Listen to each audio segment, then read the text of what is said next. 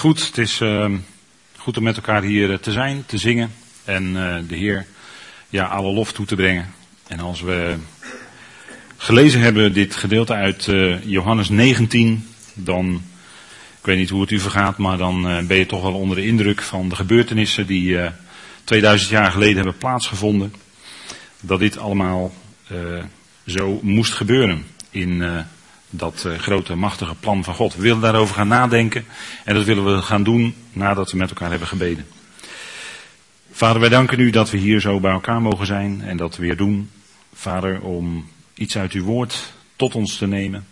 Vader, een, bijzondere, een bijzonder gebeuren dat zich afspeelde met uw zoon, vader. En vader, we zien het lijden dat hij doormaakte. Vader, en het was nodig dat het gebeurde. En Vader, het moest zo zijn in uw plan om tot heerlijkheid te kunnen komen. Dank u wel, Vader, dat we vanmorgen daar een ogenblik bij stil mogen staan. Dank u wel dat u ons hart kent, alle gedachten die ons bezighouden.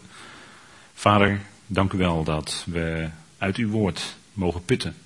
Bemoediging, troost en bovenal achter alles zien. Uw liefde, Vader, die een ieder aangaat. Vader, daar dank u voor dat u ons zo wilt leiden dat het mag zijn tot opbouw en tot eer van uw naam. We danken u daarvoor in de naam van uw geliefde zoon. Amen. De Heer Jezus en Pilatus, dat zijn de twee die hier in dit gedeelte eigenlijk eh, naar voren komen. Die ja, min of meer tegenover elkaar staan, in zekere zin. Een bijzonder gedeelte uit eh, het Johannes-evangelie, zoals ze dat zeggen. De Heer Pilatus, met Pilatus. Pilatus was uh, de toenmalige stadhouder, zoals dat wel eens genoemd wordt, met een ander woord, uh, daar komen we nog wel op. Maar die had de, ja, eigenlijk de taak zou je kunnen bijna, wel kunnen zeggen om uh, dit te moeten doen. Hij was aangesteld in dat gedeelte van het Romeinse Rijk. En hij kreeg dit zo naar zich toegeschoven van de Joden. En als we kijken wat, in de, wat hier wat meer in het tekstverband staat, dan uh, is dit een wat langer gedeelte, wat begint bij hoofdstuk 18, vers 1. En dan zien we dat uh, eigenlijk de kern is waar alle evangelieën om draaien. Dat is uh, ja, alles wat met hem gebeurde voordat hij daadwerkelijk stierf aan het kruis, maar ook opstond uit de dood. Hè. Dat is waar maar liefst vier evangelisten van getuigen. En dat is ook nodig, want het is een enorme gebeurtenis. Het is de omwenteling in Gods plan, hè, de grote omwenteling, het scharnierpunt. Draait eigenlijk hier om het plan, hè, eh, om uh, wat hij deed. Hè. Het plan draait helemaal om wat hij deed hier. En uh, dat is wat ja, toch wel heel bijzonder is. En daar wordt uitvoerig aandacht aan gegeven. En eh, als de schrift daar uitvoerig aandacht aan geeft, dan zouden wij dat ook doen, uiteraard, hè, vanzelfsprekend. Um, en de discussie is hier, bent u de koning van de Joden? Want de achtergrond is natuurlijk, als hij koning zou zijn, zou hij een opstand kunnen veroorzaken in het Romeinse Rijk tegen de Romeinse keizer. En dan zou hij inderdaad uh, ter dood gebracht moeten worden. En we zien dan de arrestatie, het proces voor Annas en Caiaphas. Annas was de schoonvader van Caiaphas. En Annas fungeerde in die tijd ook dan als hoge priester, maar ook Caiaphas was dat. En Caiaphas die stuurde uiteindelijk dan de Heer Jezus naar Pilatus toe. Dan zien we het proces voor Pilatus. En uiteindelijk zou dat uitlopen inderdaad op de kruisiging. We hebben dat gelezen met elkaar. De woedende menigte die riep kruisig. En dan kunt u erbij invullen hem natuurlijk, want dat bedoelde ze uiteraard. Maar het was uh, een netelige kwestie voor Pilatus. Pilatus was natuurlijk als ambtenaar aangesteld in het Romeinse Rijk. Hij was ook politicus. En hij moest met allerlei machten en krachten rekening houden. En uh, dat komt ook zo in deze geschiedenis naar voren. En als we wat iets meer inzoomen, dan zien we dat uh, eerst Pilatus met gesprek is in de Joden. Dan doet Pilatus een eigen onderzoek, zou je kunnen zeggen. En dat komt alleen maar in dit evangelie naar voren. Dat onderzoek van Pilatus vindt u niet bij de andere drie. En dan stelt Pilatus vrijlating voor. En dan zien we dat hij inderdaad gegezeld wordt. En dan gaat het verder. Pilatus die aarzelt, Pilatus die wikt, die weegt, die probeert als politicus een uitweg te vinden om hem toch niet over te hoeven leveren, want er staat maar drie keer liefst in onze vertaling dan, ik vind geen schuld in hem. Hij was zonder zonde. Hij kon hem eigenlijk niet iets aanwijzen waarop hij naar mogelijk Romeins recht, maar daar ben ik totaal niet meer op de hoogte, dat hij naar Romeins recht veroordeeld zou kunnen worden. Maar hij uh, wordt uiteindelijk dan toch onder druk, onder de druk van de Joden, wordt hij overgeleverd tot de dood. En dan, ik weet niet hoe het u vergaat als u dit leest, maar als u de gebeurtenissen leest, dan uh, moet je dat voorstellen, een, een woedende menigte die opgehitst is, en die hem ter dood wil brengen onder leiding van de overpriesters en de schriftgeleerden, waar hij al uh, voor geweest is. En ze zochten valse getuigen, want ze konden in hem geen aanleiding vinden. En dat is het woord wat Pilatus eigenlijk gebruikt. Ik vind geen oorzaak in hem. Ik vind geen fout in hem. Ik vind geen aanleiding in hem. En dat konden de Joden ook niet vinden. Dus moesten de valse getuigen komen. En moest hij min of meer belasterd worden, alsof hij iets had beweerd. Maar dat had hij niet beweerd. Zo niet in ieder geval. En op grond daarvan um, werd hij toch overgeleverd in de handen van Pilatus. En dan staat er zo, en ik, ja, ik weet niet hoe het u vergaat, maar als je dit verslag leest, dan wordt het eigenlijk heel sober beschreven. Want als u erin, en sommige mensen hebben zich daarin verdiept, als u zich erin zou verdiepen wat een geesteling is door de Romeinen in die tijd, dan was dat niet niks. Dan werd je echt je rug minstens flink opengeslagen. Dat was niet misselijk. Die Romeinen, die, die, hadden, een, die hadden een harde, een, uh, je kunt dat vergelijken met ijzer, die hadden een ijzeren heerschappij. En iedereen die daar tegen in opstand kwam, nou ja, die kon inderdaad gekruisigd worden. Dat was een hele gebruikelijke manier om iemand terecht te stellen in die tijd. Kruisiging. Er zijn zelfs verhalen dat er nou soms honderden tegelijk werden gekruisigd. Dus dat was helemaal niet abnormaal. Maar die geesteling, dat was ook niet niks. Nou is dit geen geestel die ze toen gebruikten. Die had uh, drie touwtjes. En dan met van die uh, loden knoopjes eraan. En daar werd dan flink mee op je rug geslagen. Dus u begrijpt wat voor uitwerking dat heeft. En het was ook expres zo gemaakt om dus de gevangenen uh, daarmee echt te kunnen martelen. Dus dat, is, dat zijn afschuwelijke dingen. En toch staat hier eigenlijk heel sober in het verslag. En toen werd hij gegezeld. Pilatus nam Jezus en hij gezelde hem. Dat is even één zo'n zin. Heel nuchter even zo gebracht. Maar wel, het betekende wel heel wat. Het betekende lichamelijk lijden. Maar het geestelijke lijden waar de Heer doorging, dat was, ging natuurlijk nog veel dieper. De verwerping door zijn eigen volk. Hij kwam tot het zijne. Daar begint Johannes mee, het eerste hoofdstuk. Hij kwam tot het zijne, maar de zijnen hebben hem niet aangenomen. Hij kwam in de wereld, maar de wereld heeft hem verworpen. En dan staat er in het tweede hoofdstuk, de wereld had namelijk de duisternis liever dan het licht. En dat gold ook eigenlijk, we kunnen het niet anders zeggen, voor de leiders van de Joden hier, de overpriesters en de schriftgeleerden. Zij hadden kennelijk, zij waren zich dat waarschijnlijk niet bewust. Zij dachten dat ze het licht hadden, maar zij waren eigenlijk in duisternis. Dat is ook wat de schrift zegt. En zij hadden kennelijk hun duisternis liever dan het licht, want zij verwierpen het licht. En dat is wat ook gebeurt in, uh, in deze geschiedenis. Hè? En de naam Pilatus, even voor, uh, dat betekent misschien, maar die afkomst is onzeker. Dat betekent met een werpspies gewapend. En Pilatus was, uh, was wel iemand, het was iemand die was als ambtenaar aangesteld in het Romeinse Rijk, onder keizer Tiberius. En hij mocht dan uh, het bewind voeren over Judea, dat was een onderdeel van de Romeinse provincie Syrië. En zo moest hij dan daar, zeg maar, administratieve zaken en allerlei rechtshandelingen ook plegen. Maar het is een sober verslag. En dat geldt ook voor het volgende vers.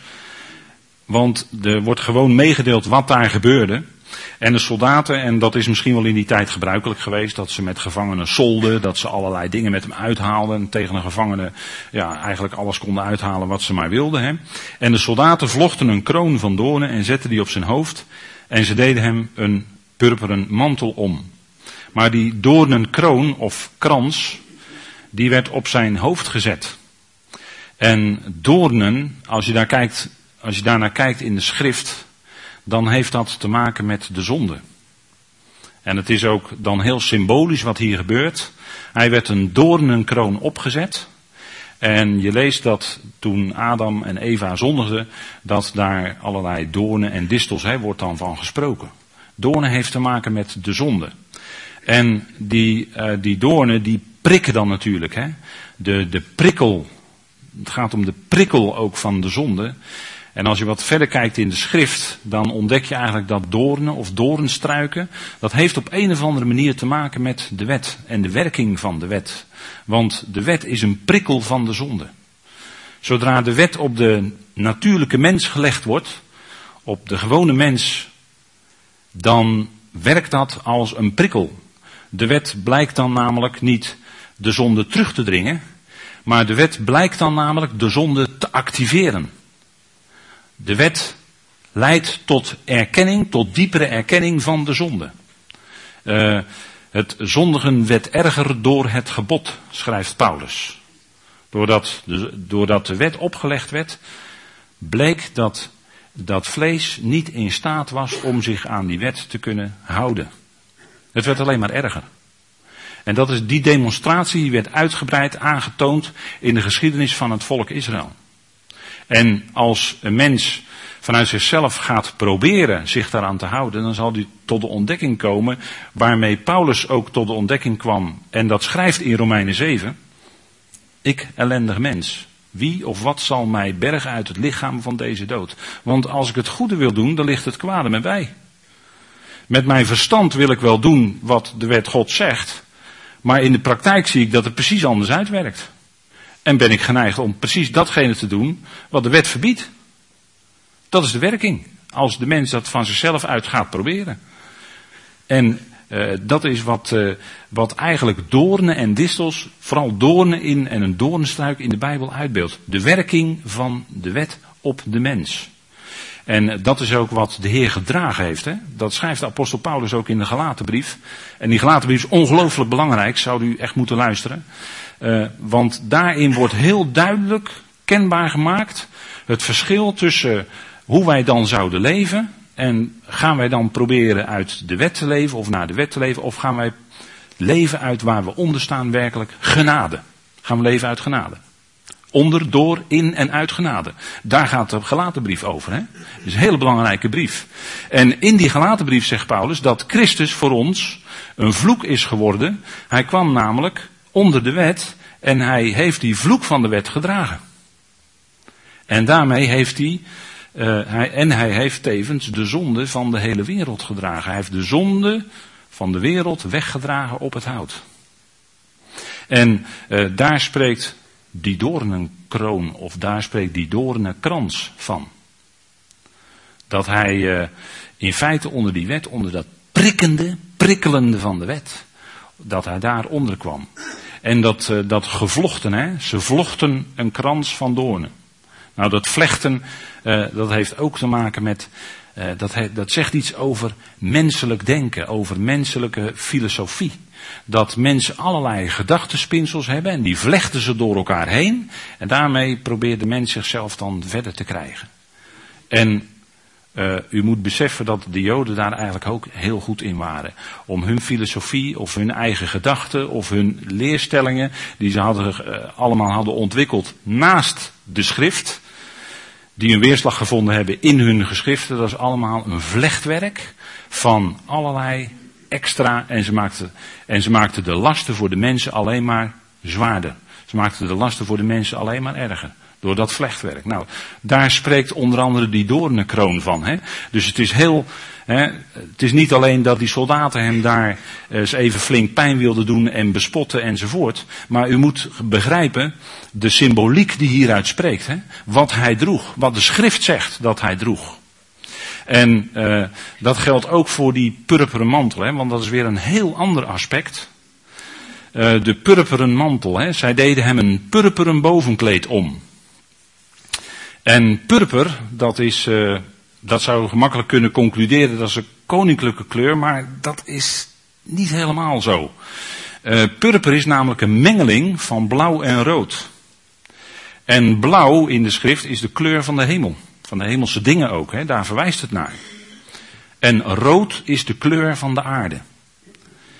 En we zien hier natuurlijk, hè, we hebben het gelezen, dat Pilatus zegt, zie de mens. Zie Adam. En eigenlijk is het hier de laatste Adam hè, die hier staat. En rood is dan ook de kleur van de mens. Adam werd genomen uit de bovenste laag van de aarde. En die, die, dat woord Adam, als ik dat zeg, dan verwijst het ook naar rood. Hè? De rode aarde. Dus dat is de kleur van de aarde. En in hem komen dus die kleuren samen. Hem werd een mantel omgedaan van purper. En dat is dan eigenlijk de kleur van de middelaar, want in hem komen dan hemel en aarde samen. Komt dat bij elkaar. Hij is de middelaar. En dat is natuurlijk voor ons geweldig bekend. En, en God zij dank is hij en was hij de middelaar. De middelaar tussen God en mensen. Hij brengt de mens tot God. En andersom, hij bracht God naar de mens. Toen, uh, wie was het, Filippus of Thomas aan hem vroeg, Heer, toon ons de Vader. Toen zei de Heer, wie mij gezien heeft, heeft de Vader gezien. Dat is een paar hoofdstukken eerder in hetzelfde evangelie. Dus ze zagen in hem wie de Vader is. En dat is natuurlijk geweldig, hè, wat hij uh, heeft bewerkt. Want het blijkt, en dat, dat zegt Paulus later achteraf, dat, er, dat, dat onze redder is God, die wil dat alle mensen gered worden en tot erkenning van de waarheid komen. En zij zullen ook tot erkenning van de waarheid komen. Het is al omstreden dat hij, wat hier staat, hè, dat, dat hij wil dat alle mensen gered worden, dat is al omstreden. En nog meer omstreden is dat ook daadwerkelijk alle mensen tot erkenning van de waarheid zullen komen. Dat ze allemaal gered zullen worden. En ik kan het ook anders zeggen, al zijn. Want hij heeft zichzelf gegeven als de middelaar. Hè, er staat hier, er is één God. Er is ook één middelaar, de kleur purper. Er is één middelaar van God en mensen, de mens, Christus Jezus. Hij is nu nog steeds mens, hij is verheerlijkt aan de rechterhand van God, maar hij is nu nog steeds mens. De mens Christus Jezus is de middelaar tussen en hij heeft zichzelf gegeven tot een losgeld voor allen, zegt Paulus dan. Dus de prijs is al betaald. Voor wie? Voor iedereen. Het is al betaald. Vandaar dat wij, van ons wordt geen werken verlangd. Wij kunnen God eenvoudig danken voor dat wat Hij al gedaan heeft. En dat is, uh, dat is iets waar we, waar we uit leven, uit die dankbaarheid. En als we daaruit leven, dan, dan merken we dat automatisch eigenlijk onze handen en voeten in beweging komen. Vanuit die dankbaarheid. Maar vanuit die dankbaarheid dat het werk al gedaan is. Dat wij ons niet alsnog hoeven in te spannen om beter voor God te worden of wat dan ook. Om iets te verdienen voor God. Dat kan helemaal niet. Maar hij heeft het gedaan. Hij is die ene middelaar tussen God en mens. Nou, daar kunnen we hem eenvoudig voor danken. En de soldaten die bespotten hem, hè, want die geschiedenis, uh, wat, wat de Heer moest ondergaan hè, om dit te kunnen zijn, om die middelaar, hè, dat is lijden geweest. Dat is lijden geweest. En dat lijden was onder andere het geestelijke lijden, waarin, uh, waarin de soldaten zeiden, um, ja, er staat altijd gegroet, hè, maar eigenlijk staat er verheug je, koning van de Joden. U proeft hier het bijtende cynisme van de soldaten in, hè? Het sarcasme wat hieruit spreekt. Ze solden met hem. En, en dit was ook een stukje geestelijke afwijzing van wie die was. En ze gaven hem slagen in het gezicht. Ze sloegen hem als het ware de mond dicht. Hij die het woord was. En het woord is. Ze sloegen hem de mond dicht. Ze wilden hem niet langer horen. Want hij sprak de waarheid. Hè? Daar ging het bij Pilatus ook om. Daar ging het bij Pilatus om. Die vroeg zich af, wat is waarheid? Nou, die waarheid die stond voor hem. De Heer Jezus Christus zelf. Die waar, dat, hij is de waarheid. Dat kon hij van zichzelf zeggen. En dat was geen, uh, geen, geen menselijke hoge pretentie. Maar dat, dat bij hem was dat echt 100% zo. Hij is de waarheid. Hij is de weg. Hij is het leven. En nu wilden ze hem die het woord is, wilden ze het zwijgen opleggen. Ze sloegen hem de mond dicht. En in vervolg zien we ook dat hij zweeg, hè? Maar het was een koninklijk zwijgen. En hij zei tegen Pilatus, want de vraag is, bent u de koning van de Joden?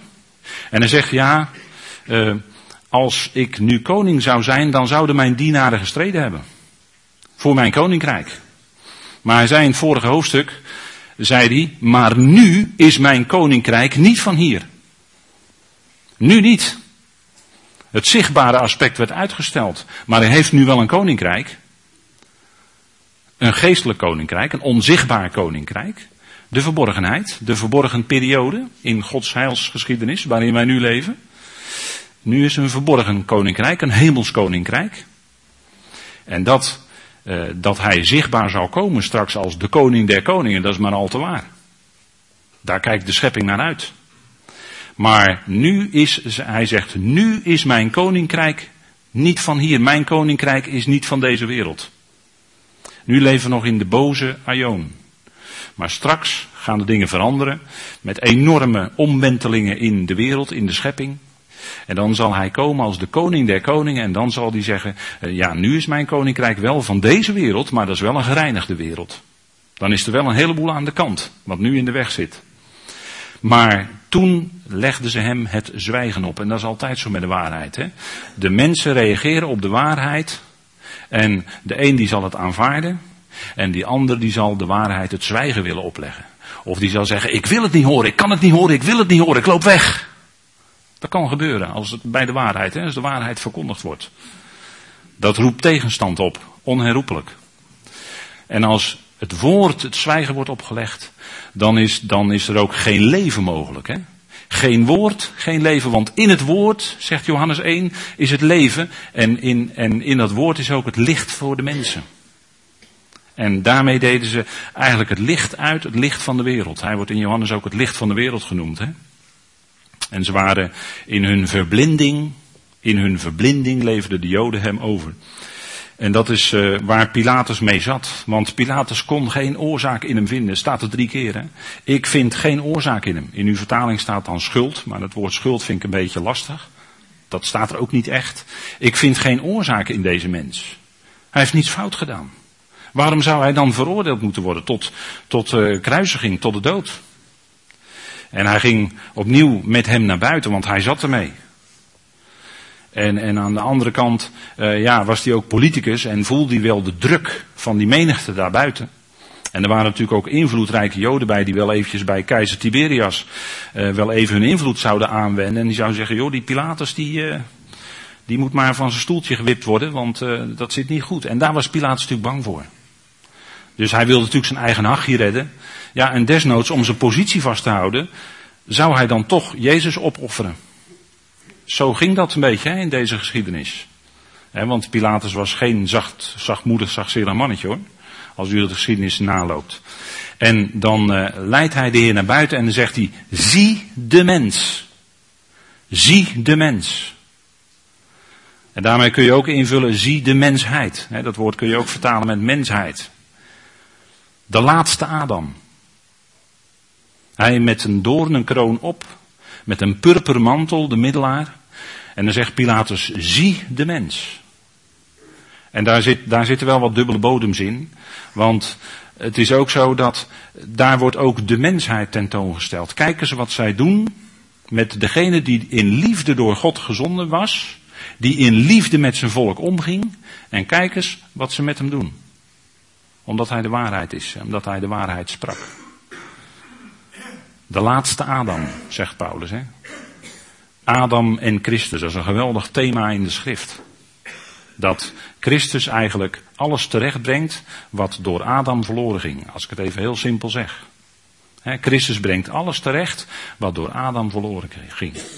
En dat is natuurlijk geweldig, hè? dat in feite in hem, in die mens die gekruisigd zou worden, ging in feite heel de mensheid mee, werd mede gekruisigd, ging mee het graf in, en wat er uit het graf kwam was de nieuwe mens, de nieuwe mensheid, de eersteling. En als die eersteling er is, dat is de garantie dat de hele oogst ook gaat komen. Maar wat zeiden de Joden? Die riepen kruisig, kruisig. En natuurlijk waren zij daardoor beïnvloed door, door, die, door geestelijke macht, de tegenwerken. En, en als zij, eh, Paulus zei later, als zij geweten hadden als de overste van deze wereld, want wie waren hier aanwezig? De overste van de Joden, de Pilatus, hè, namens het Romeinse bestuur. Als die overste van de wereld geweten hadden van de heerlijkheid die zou komen, en die hieruit voort zou komen, dan zouden zij, zegt Paulus, de Heer der heerlijkheid niet gekruisigd hebben. Want er was een verborgen wijsheid die van voor de Ionen was, zegt Paulus. Een verborgen wijsheid dat God in zijn plan het zo ging doen dat hij door dit hele gebeuren heen, door de kruisiging en opstanding en verheerlijking van de Heer heen, dat hij die hele mensheid, die hele schepping zou redden. Dat was de verborgen wijsheid van God. En er zitten natuurlijk hele bijzondere aspecten aan voor, voor ons als leden van het lichaam van Christus. Maar als die oversten van de wereld dat geweten hadden, van die wijsheid, dan zouden zij de Heer van de Heerlijkheid nooit gekruisigd hebben. Dan hadden ze, uh, dan hadden ze de, de toestand zo gelaten zoals die was. En had hij niet, menselijkerwijs niet gestorven. Maar het is anders gegaan. En wij zeggen achteraf, God zij dank dat het zo is gegaan. God zij dank. Want daarom zitten wij hier. Omdat wat hij leed en stierf, dat hij opgewekt werd door de Vader. Dat is natuurlijk een machtige boodschap. En dat is wat uh, Pilatus dan zegt, neem jullie hem en kruisig hem, want ik vind geen oorzaak, ik vind geen fout in hem. Opnieuw, hè. Hij was zonder zonde. Hij heeft zonder iets fout te doen geleden. De zondeloze zoon leed voor een wereld die verloren was. En dat kwam scherp naar voren in dat men wel Barabbas koos om vrijgelaten te worden. En Jezus moest gekruisigd worden. Het was Barabbas of Jezus. En daar zit een geweldige symboliek ook in. Hè? Want Barabbas betekent zoon van de vader. De zondaar werd vrijgelaten. En de zondeloze werd gekruisigd. En dat is ook wat zijn werk zou betekenen. Hè? Hij zou namelijk door zijn werk al die zondaren vrijkopen. En dat is wat, wat in feite al gebeurd is. En Petrus zegt dat later ook, hè, dat hij overgegeven is in, de, in het vastgestelde raadsbesluit en de voorkennis van God. En hebben jullie door handen van wettelozen aan het kruis gespijkerd gedood. Zegt Petrus tegen de Joden die dan aanwezig zijn op het Pinksterfeest. En dus de bepaalde raad en voorkennis van God. Het was helemaal dat hele gebeuren. Wat je van een heleboel kanten kunt bekijken. Maar dat hele gebeuren was naar de bepaalde raad en voorkennis van God. Het moest zo gaan. Het heeft niet anders dan zo kunnen gaan. En, en dat is het geweldige, want daaruit blijkt die geweldige liefde van God. Dat de, hoewel de mens zo ver ging om zijn zoon aan het kruis te nagelen, dat God niettemin die mensheid bleef liefhebben en zijn zoon als bewijs daarvan opwekte uit de dood. Nou, dat is een, dat is een machtige boodschap. Hè? Dat is echt goed nieuws. En de Joden antwoorden, en dan gaat het proces verder. Hè? En wij hebben een wet, en volgens onze wet moet hij sterven, want hij heeft zichzelf Gods zoon gemaakt. En dat, dat, kon, dat konden ze niet verkroppen. Hij, de Messias, hij, de zoon van. Dat bestaat niet. Terwijl ze het uit hun schriften konden weten. En hij hield ze dat, had ze dat ook voorgehouden. Hoe kan David hem Heer noemen als hij tegelijkertijd zijn zoon is? Hoe kan dat? Nou, dat kan alleen maar als hij de zoon van God is. Maar dat uh, beseften de Joden kennelijk niet in hun verblinding, want uh, zij hadden een valse beschuldiging. En volgens hun wet moest hij dan sterven. En daarom leverden ze hem over. En Pilatus, die werd bevreesd. Hè? Pilatus behandelde uit angst. Ik heb het net al even gezegd. Hij handelde als politicus. Hij handelde uit angst, hij wilde zijn eigen positie vasthouden, want hij wilde niet door Tiberias ervan verwijderd worden. En daarom gaf hij de Joden dan toch maar hun zin. Dan offerde hij Jezus op en dan kon hij zijn eigen positie handhaven. Dat zijn politici. Die doen dat soms, hè. Niet met mensen zo in deze tijd misschien, maar wel eh, met allerlei andere dingen. Dat is typisch politiek. En Tiberias, die was keizer in Rome en die Joden die hadden wel wat invloed. En Pilatus had ook wel wat, uh, wat ruzies met die Joden gehad in het, in het nabije verleden. Dus uh, hij was maar al te bang dat zij weer bij hem gingen aanbellen. En uh, dan kon hij vertrekken. Dus hij leverde hem over en hij handelde eigenlijk uit vrees. Hij handelde niet naar het recht, want naar het recht had Jezus gewoon vrijgelaten moeten worden. Hij had immers niks fout gedaan. Hij vond toch geen oorzaak in hem. Maar toch moest hij overgeleverd worden. En dan vraagt Pilatus, waar komt u eigenlijk vandaan? Dat is de vraag die op verschillende momenten ook aan de Heer gesteld wordt. Hè? Waar komt u eigenlijk vandaan? Of anders gezegd, wie bent u eigenlijk? En dat vroegen ze aan hem. Hè? Bent u de profeet? Of, uh, dat vroegen ze eerst aan Johannes de Doper, maar later vroegen ze het ook aan de Heer. Hè? Bent u de profeet? Of bent u Elia die komen zou? Maar het bleek dat hij de degene was die zou komen, die door alle schriften was aangekondigd. Inderdaad, de zoon van David, naar de belofte. Hij is de profeet inderdaad. En, hij, en Johannes kwam al in de geest en de kracht van Elia. Maar hij is natuurlijk de ware Messias die komen zou. En Johannes was natuurlijk de voorloper, hè? zoals Elia de voorloper is. Was. En uh, dan gaat uh, Pilatus dat dus, die stelt die vraag aan hem. Maar Jezus gaf hem geen antwoord. Dat was niet onbeleefd, maar dat was een koninklijke zwijgen. En Pilatus interpreteerde dat zwijgen goed.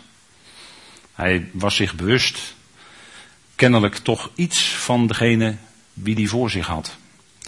En uh, Pilatus eh, zei dan tot hem, spreekt u niet tot mij? Weet u niet dat ik volmacht heb u te kruisigen en volmacht u heb los te laten? En natuurlijk dacht Pilatus aan zijn positie in het Romeinse bestuur. Maar dan zien we eigenlijk dat de Heer daar staat. Hè? Eigenlijk is het, het is heel vreemd eigenlijk, het is hier precies andersom. Eigenlijk had Pilatus in alle rust moeten zijn als de regent. En Jezus had bevreesd moeten zijn. Jezus had hier moeten staan sidderen op zijn, op zijn benen om, om wat hem hier overkwam. Maar het was precies andersom. Pilatus was bevreesd. Pilatus had angst in zijn hart. Voor zijn eigen positie, voor zijn eigen hachie. En Jezus, die stond daar in volkomen rust. Want was het, wat was het geheim van de Heer? Geloof. Het geloof van Jezus Christus. zien we hier tentoongespreid. Hè? Uh, en wat zegt de Heer dan tegen hem? U zou geen volmacht tegen me hebben als het u niet van boven gegeven was. Dat, dat, is, een, dat is een koninklijk antwoord. Hè? Gewoon heel rustig vanuit geloof. Pilatus kon alleen maar in die positie zijn omdat God wilde dat hij daar op dat moment in die positie was. En niets anders. Dat is de hoogste overweging. En dan kunnen we allerlei menselijke, van besturen enzovoort, en hoe dat dan gegaan is, dat zal wel. Maar op dat moment moest Pilatus tegenover Jezus staan. En niemand anders. Want het was hem van boven gegeven om dit te doen. En hij moest dat ook, kon niet anders. En Pilatus kon ook niet anders door de omstandigheden gedreven dan de Heer overleveren om gekruisigd te worden. Want dat was de bepaalde raad en voorkennis van God. Dat geloofde Petrus ook. En zo is dan Gods plan precies stap voor stap gegaan zoals God dat wilde. En dan zegt de Heer daar aansluitend nog aan, daarom heeft Hij die mij aan u overgeleverd heeft, een grotere zonde. En wie had hem overgeleverd? Nou eerst Judas, of moet ik zeggen Juda, de Joden, die hadden hem overgeleverd. Dat was toch het Sanhedrin, want hij werd door het Sanhedrin naar Pilatus gestuurd. Dat was de rechtsgang hier. En Caiaphas stuurde hem uiteindelijk naar Pilatus toe. Sanhedrin, de leiders van het Joodse volk. En daarvan zegt de Heer, hij die mij aan u overgeleverd heeft, heeft een grotere zonde.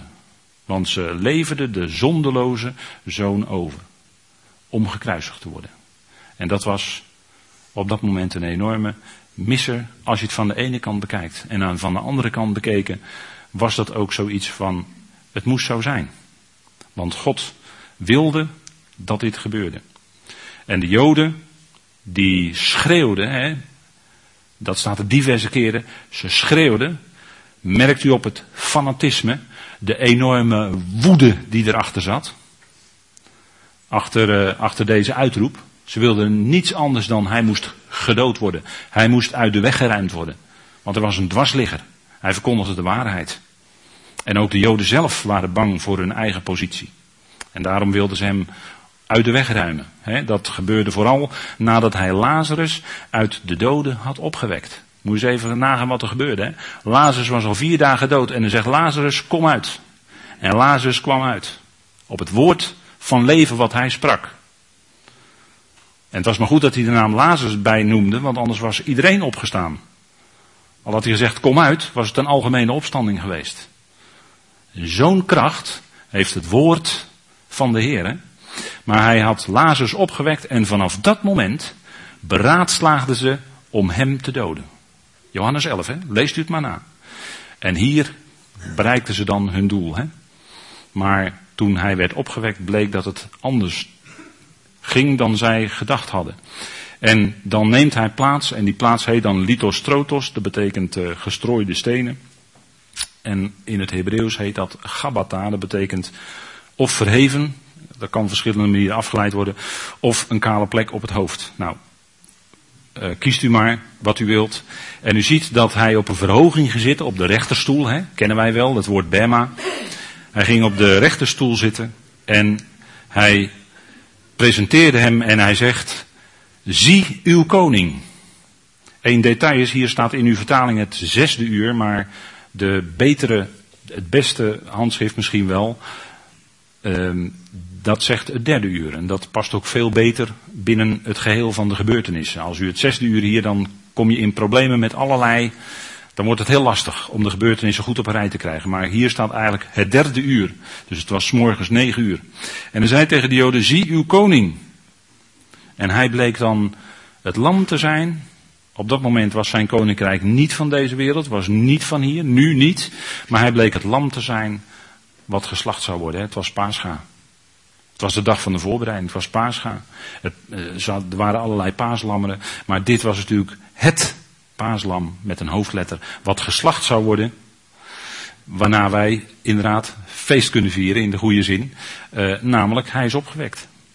En dat betekent dat, ja, en het lag van tevoren al vast, hè. Zo bijzonder. Dat het lam was al tevoren gekend voor de nederwerping van de wereld. En, dan moet ik toch denken aan de geschiedenis van Genesis, hè, van, van, uh, van Abraham en Isaac. Waarin gezegd wordt, de Heer zal voorzien. En de Heer had al voorzien in het lam voor de nederwerping der wereld. Dus voordat de zonde zijn intrede deed in de mensheid, had God het lam al klaar eigenlijk. Om die zonde van de wereld ook te kunnen loskopen. Hè? Om dat te kunnen wegdoen. En de zondelozen werd dus overgeleverd in de handen van misdadigers, in de handen van de wettelozen eigenlijk. En de woedige, woedende menigte, hè, we zien, ja het heeft zoveel kanten. De woedende menigte werd aangestuurd natuurlijk door de tegenwerker. Hè. En de zondeloze werd overgeleverd om de zonde van heel de mensheid te dragen. En dat is de spits eigenlijk van ja, de hele, het hele evangelie. Hè. God maakte vrede. God heeft vrede gemaakt in het bloed zijns kruises, staat er dan. En dat is het geweldige. En vanuit die vrede is het een en al verzoening. Wat vandaag klinkt. En dat is een geweldige boodschap. En dat heeft hij bewerkt. Door die moeilijke weg heen van lijden, van verworpen worden, van verdrukt worden, geslagen worden, uh, heel letterlijk, gegezeld worden, ongelooflijk lijden. Maar vooral het geestelijke lijden. De verwerping door zijn eigen volk, de verwerping door de mensen. En, en door dat lijden is hij heen gegaan. Want hij geloofde vast en zeker dat vader hem ook zou opwekken op de derde dag. Dat was de belofte die in de hele tenacht klinkt. Hij zou opgewekt worden en dat heeft vader ook gedaan. Natuurlijk heeft hij het geloof van de zoon niet beschaamd. Natuurlijk niet. Hij is opgewekt. En daardoor is er vrijspraak in feite voor heel de mensheid. Nou, dat is het geweldige wat hij bewerkte. Maar kijk wat voor een lijden het hem gekost heeft. Hè? En het gaat in de schepping. Het gaat in Gods plan altijd door lijden heen tot heerlijkheid. Het is nu nog lijden, maar het zal worden heerlijkheid. En die heerlijkheid is zo groot, daar hebben we nog geen idee van. Maar het zal al onze verwachtingen ver overtreffen. Ziet u er naar uit, die heerlijkheid? Ik wel. Amen. Goed, zullen wij de Heer danken. Vader, wij danken u dat we een kort moment stil konden staan bij uw woord, Vader. En er zijn zoveel aspecten en soms kun je enkele dingen daaruit naar voren halen. Vader, dank u wel voor het gebeuren wat we hier gelezen hebben met elkaar vandaag. Dank u wel dat uw zoon dat diepe lijden onderging. De haat van de mensen. Vader, de weerstand tegen de waarheid. Het verworpen worden. Vader, dank u wel dat u die weg bent gegaan. Vader, dank u wel voor die oneindige liefde van u, die u bewees, doordat toen zelfs de mensen uw zoon aan het kruis nagelden en hem doden, op zo'n afschuwelijke wijze. Vader, dat uw liefde daardoor niet minder werd, maar dat u uit liefde, Vader, ook uw zoon weer opwekte uit de dood, als antwoord op de haat van de mens. Antwoordde u, Vader, met liefde, met verzoening. Vader, wat een geweldig evangelie. Wat een geweldig goed bericht. Vader, daar dank u voor dat dat uit de schrift naar voren komt. En vader, dank u wel dat het niet alleen is voor hen die nu geloven, maar dat het ook zal zijn uiteindelijk voor allen.